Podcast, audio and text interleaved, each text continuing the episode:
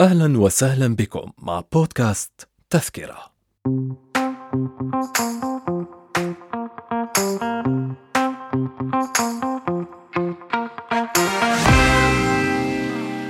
نرحب بكم مجددا مستمعي بودكاست ميادين في أولى حلقات بودكاست تذكرة. التي ستكون استثنائيا وطيلة شهر رمضان تعرض واقع الدراما العربية في هذا الشهر المبارك وأبرز المسلسلات التي تعرض في العالم العربي حيث القاعدة التي أضحت ثابتة لدى معظم شركات الإنتاج العربية هي صيام طوال العام وإفطار مع انطلاق شهر رمضان. رمضان. بعد غيابه وبقاله زمان. كانوا قولوا شهر الدول غنوا له أهلا رمضان رمضان كان مع دخولنا الألفية الثانية. تحول شهر رمضان بشكل سريع إلى مادة تجارية جاذبة للأعمال الدرامية بعدما كانت الإنتاجات تقتصر قبل ذلك على بعض الأعمال في عدد من الدول العربية وتحديدا مصر وسوريا. ليتحول من شهر عبادي لدى المسلمين بشكل خاص إلى موسم ربحي بامتياز لشركات الإنتاج التي تتسابق في رسم مسارها السنوي من خلاله. بعيدا عن البرامج الدينية والسهرات الرمضانية وبرامج المسابقات التي كان لبنان تحديدا السباق إلى إنتاجها. وكانت القنوات اللبنانية التي تبث فضائيا بوابة لها على العالم العربي دون التركيز على إنتاج المسلسلات الرمضانية.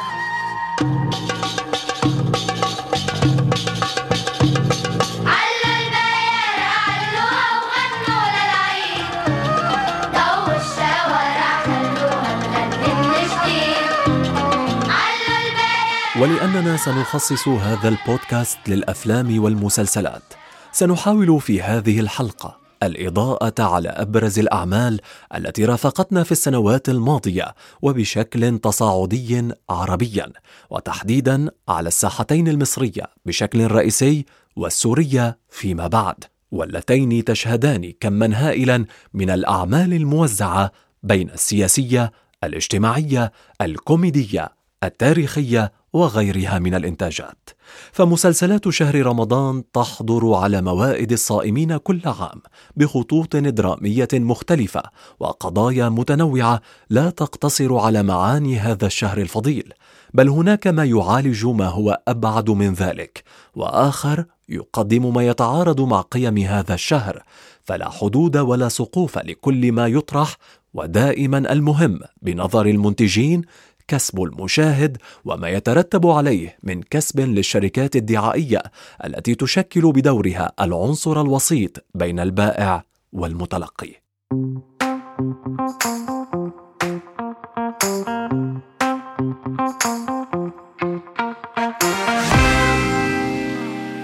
على الشاشة الصغيرة التي قدمت لنا منذ عقود مضت ما يحفر في ذاكرتنا ويربطها بشكل مباشر بشهر رمضان وبرغم قلة الإنتاجات حينها وضعف الترويج لها لغياب وسائل التواصل وانحصارها بالدعاية على وسائل الإعلام التقليدي إلا أنها حققت انتشارا واسعا في البلاد المنتجة لها بشكل خاص وفي العالم العربي بشكل عام وأضحت ملازمة للذاكرة بهذا الشهر.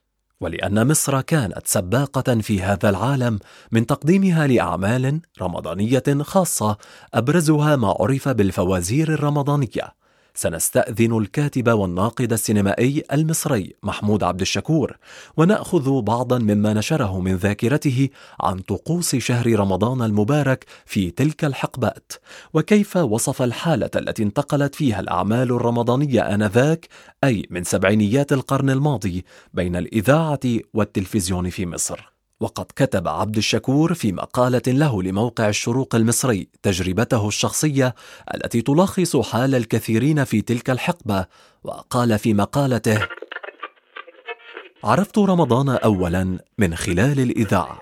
لم يكن لدينا جهاز تلفزيون في بداية السبعينيات. وقت الإفطار نلتف حول مائدة الطعام. ننتظر صوت المدفع. وقد أحببت كثيرا صوت الشيخ النقشبندي حتى اليوم أسمعه في أذني وهو يبتهل. إني ببابك قد بسطت يدي. من لي ألوذ به. إياك يا سندي. مولاي يا مولاي. ويتابع الكاتب المصري عبد الشكور قائلا رمضان في الراديو جعلني أعرف الفوازير لآمال فهمي والمسلسل الرمضاني الكوميدي بعنوان سيد ما حرموا في رمضان وعرفت الدراما أيضا من خلال الراديو وكنت أقوم بتخيل كل شيء الممثلين والديكورات والحركة والملابس.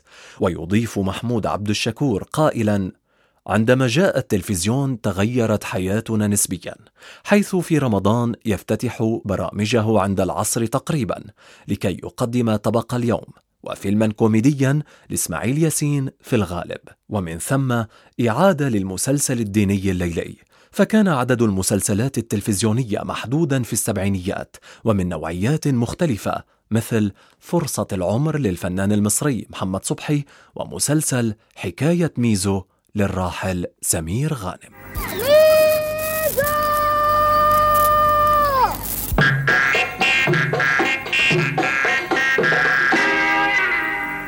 ميزو ما كتبه الناقد المصري في فترة السبعينيات تبدل بين ثمانينيات وتسعينيات القرن الماضي. حيث شهدت الدراما المصرية تصاعدا في عدد الأعمال الرمضانية التي استحوذت على إعجاب الجمهور العربي وأبرز تلك الأعمال مسلسل ليالي الحلمية الذي نجح بأجزائه الخمسة الأولى في تحقيق نسب مشاهدة ليس لها مثيل طوال سنوات عرضه خلال المواسم الرمضانية المتتالية. ليصبح مع الوقت جزءا لا يتجزأ من طقوس شهر رمضان خلال فترة الثمانينيات.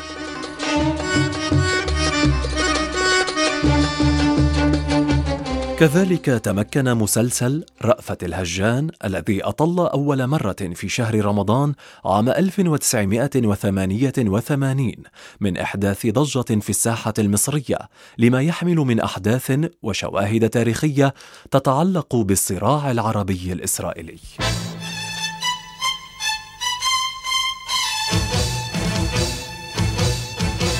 وجسد هذا المسلسل قصة الجاسوس المصري رفعت علي سليمان الجمال الذي زرع داخل كيان العدو للتجسس لمصلحة المخابرات المصرية.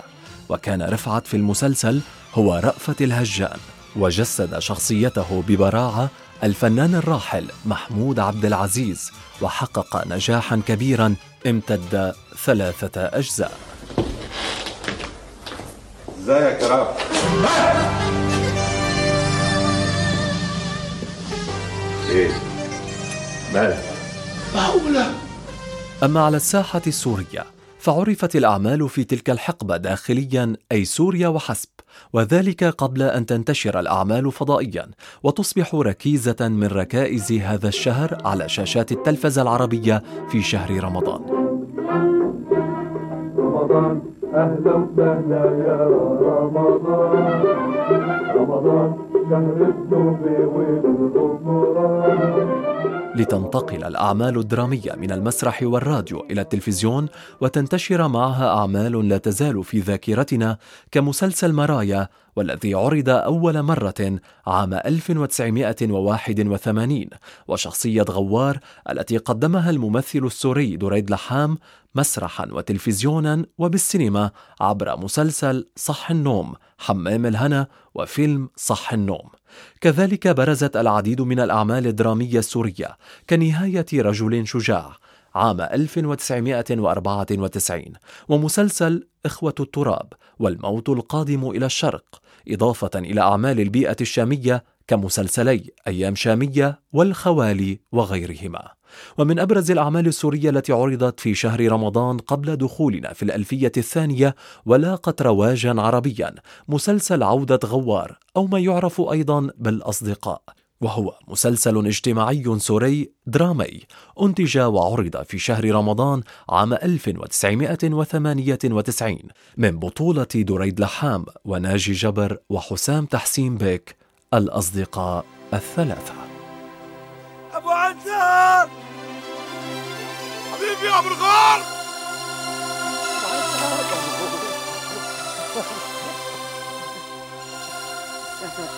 معناتها تذكرني يا أبو انت تذكرني حدا بينسى روحه يا أبو الغور دراويش دراويش يا خيي دراويش عالخبزة والمي يا خالي من عيش دراويش دراويش يا خيي دراويش. ومع دخولنا عام 2000 وتقدم السنوات تنوعت الأعمال وتقنيات تقديمها ولم تعد تقتصر على المسلسلات المصرية والسورية وحسب بل دخل العديد من الدول العربية على خط الإنتاج برغم تربع تلك الدولتين على عرش المواسم الرمضانية حيث تخطت أعمالهما عند كل موسم رمضاني ما يزيد على العشرين والثلاثين عملا. كذلك شهدنا أعمالا لبنانية وتونسية وجزائرية وأخرى خليجية مثل طاش مطاش وهو العمل الأبرز سعوديا. لتنتقل الأعمال في هذا الوقت من العرض المحلي إلى العرض العربي وتصبح قناة الأم بي سي الرائدة في عرض تلك الأعمال والمروجة لها خلال هذا الشهر الكريم لتتحول فيما بعد إلى قاعدة سياسية تنشر القضايا والمواضيع التي تخدم تلك الأجندات الممولة لها. وهنا سيكون لنا إطلالة خاصة في حلقات أخرى تظهر المقصد مما ذكرنا.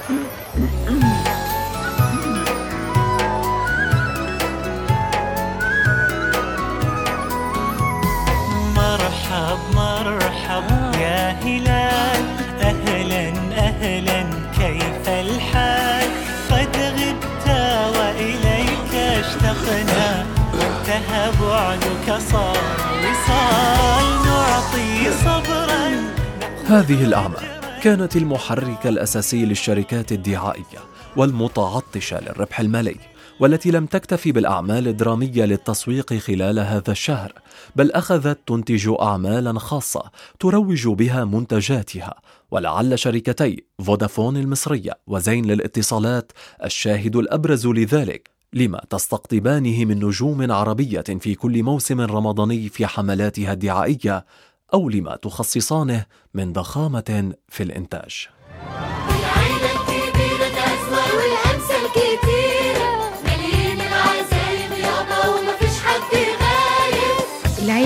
بس قرايب دي جيران وصحاب وحبايب. مهما عيلتك كبرت هنجمعك بيهم فودافون قوتك في عيلتك. مع العلم أن هذه الشركات لم تكتفي بالترويج الربحي وحسب بل انتقل بعضها إلى الترويج السياسي وبدأ واضحا ذلك عام 2018 حيث قدمت شركة زين للاتصالات حملة دعائية لها تتناول قضايا سياسية عما يحدث في سوريا والدول العربية. وأدخلت الغرب كمنقذ لنا ومفتاحا لحل قضايانا دون أن تلتفت أو تقصدت ذلك بأن من ذكرته حلا كان أساسا لتلك الأزمات التي نعانيها والحروب التي نعيشها. سيد الرئيس رمضان كريم. وأنت مدعو على الإفطار. إذا وجدت بيتي في الدمار وعادت أمي من الطابور بخبز وقلب مكسور. وبعيدا عن لجوء بعض القنوات إلى الربح الأسرع والأسهل من خلال عرض المسلسلات المدبلجة وتحديدا التركية منها والإيرانية والمسلسلات القديمة التي يحبها الجمهور. أطل علينا ما هو جديد على الساحة الدرامية والمعروف بالأعمال المشتركة حيث سعت شركات الإنتاج العربية إلى إشراك الفنانين والنجوم من مختلف الدول في عمل درامي موحد يقدم للجمهور العربي ويحمل قضايا مشتركة. وقد ساهم في ذلك الأزمات التي عصفت بتلك الدول ما اضطر عددا من النجوم إلى مغادرة بلدهم وعزز فكرة وجودهم في تلك الأعمال. وعلى سبيل المثال مسلسل الأخوة الهيبة خمسة ونص وعشرين عشرين وغيرها. نزلت لي اياه من السما على الأرض. هذا خطف أخوك. وممكن ياكله يا فهيم ولسه لاحق لي أسلوب الحكمة والأخلاق وما بعرف. يا أمير ده عم مجد. يعني ممكن يكون أقرب له أكتر من أي واحد فينا. ما بقولش إن هو مستحيل يأذيه. ممكن آه وممكن لا. بس يا أخي لو الموضوع موضوع فلوس نديها له ملعون أبوها. آه طبعا.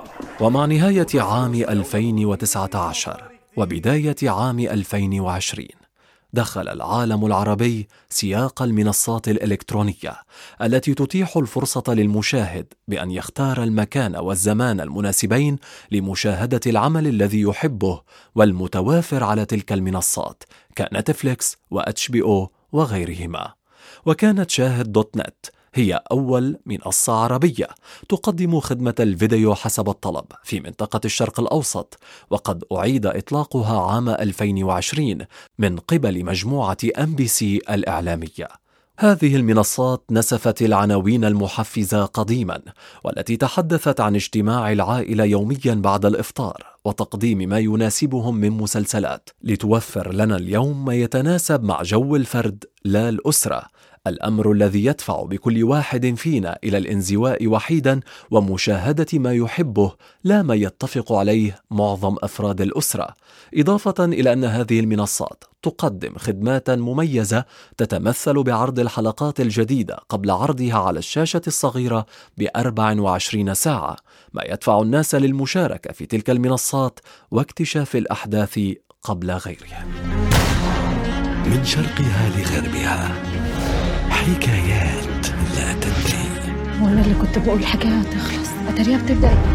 على شاهد في آي بي رمضان معانا.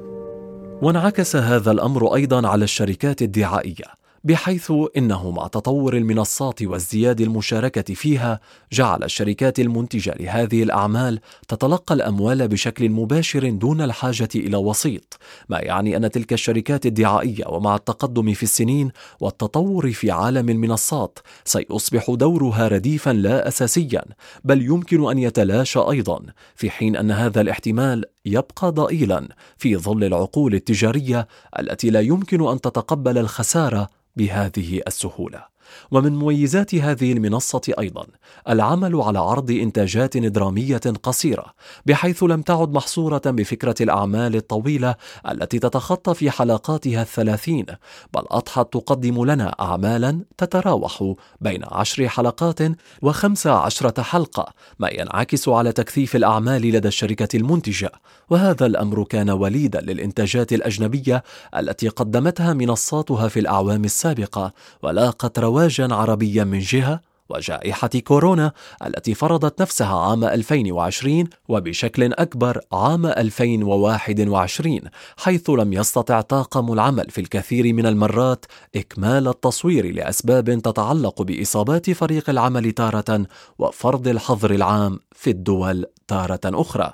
وهذا في خلاصته أدى إلى ترسيخ فكرة المنصة ودورها في عالم الإنتاجات ولدى المشاهدين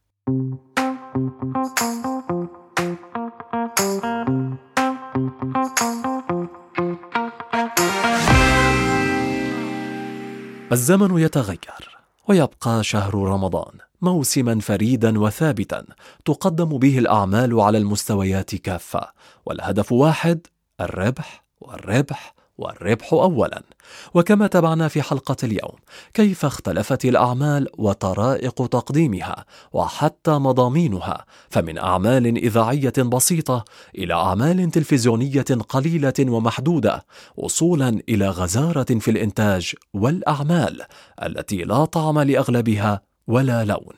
ويبقى السؤال المطروح اليوم هل دخول تلك المنصات على خط الأعمال الدرامية سيبقي من شهر رمضان تذكرة مجانية وسهلة لإفطار شركات الإنتاج وبشهية مفتوحة على موائد الصائمين أم أن الربح السريع المطلوب والمنافسة بين الشركات على استقطاب السوق سيغيران قواعد العمل وسيجعلان من كل أشهر السنة طبقا لها دون اللجوء لأي تذكرة. شاركونا رأيكم.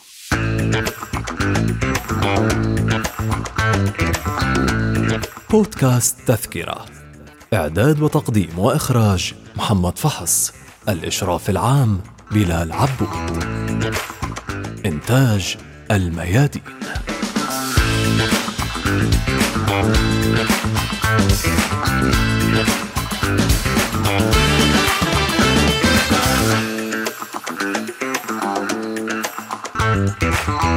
Thank you.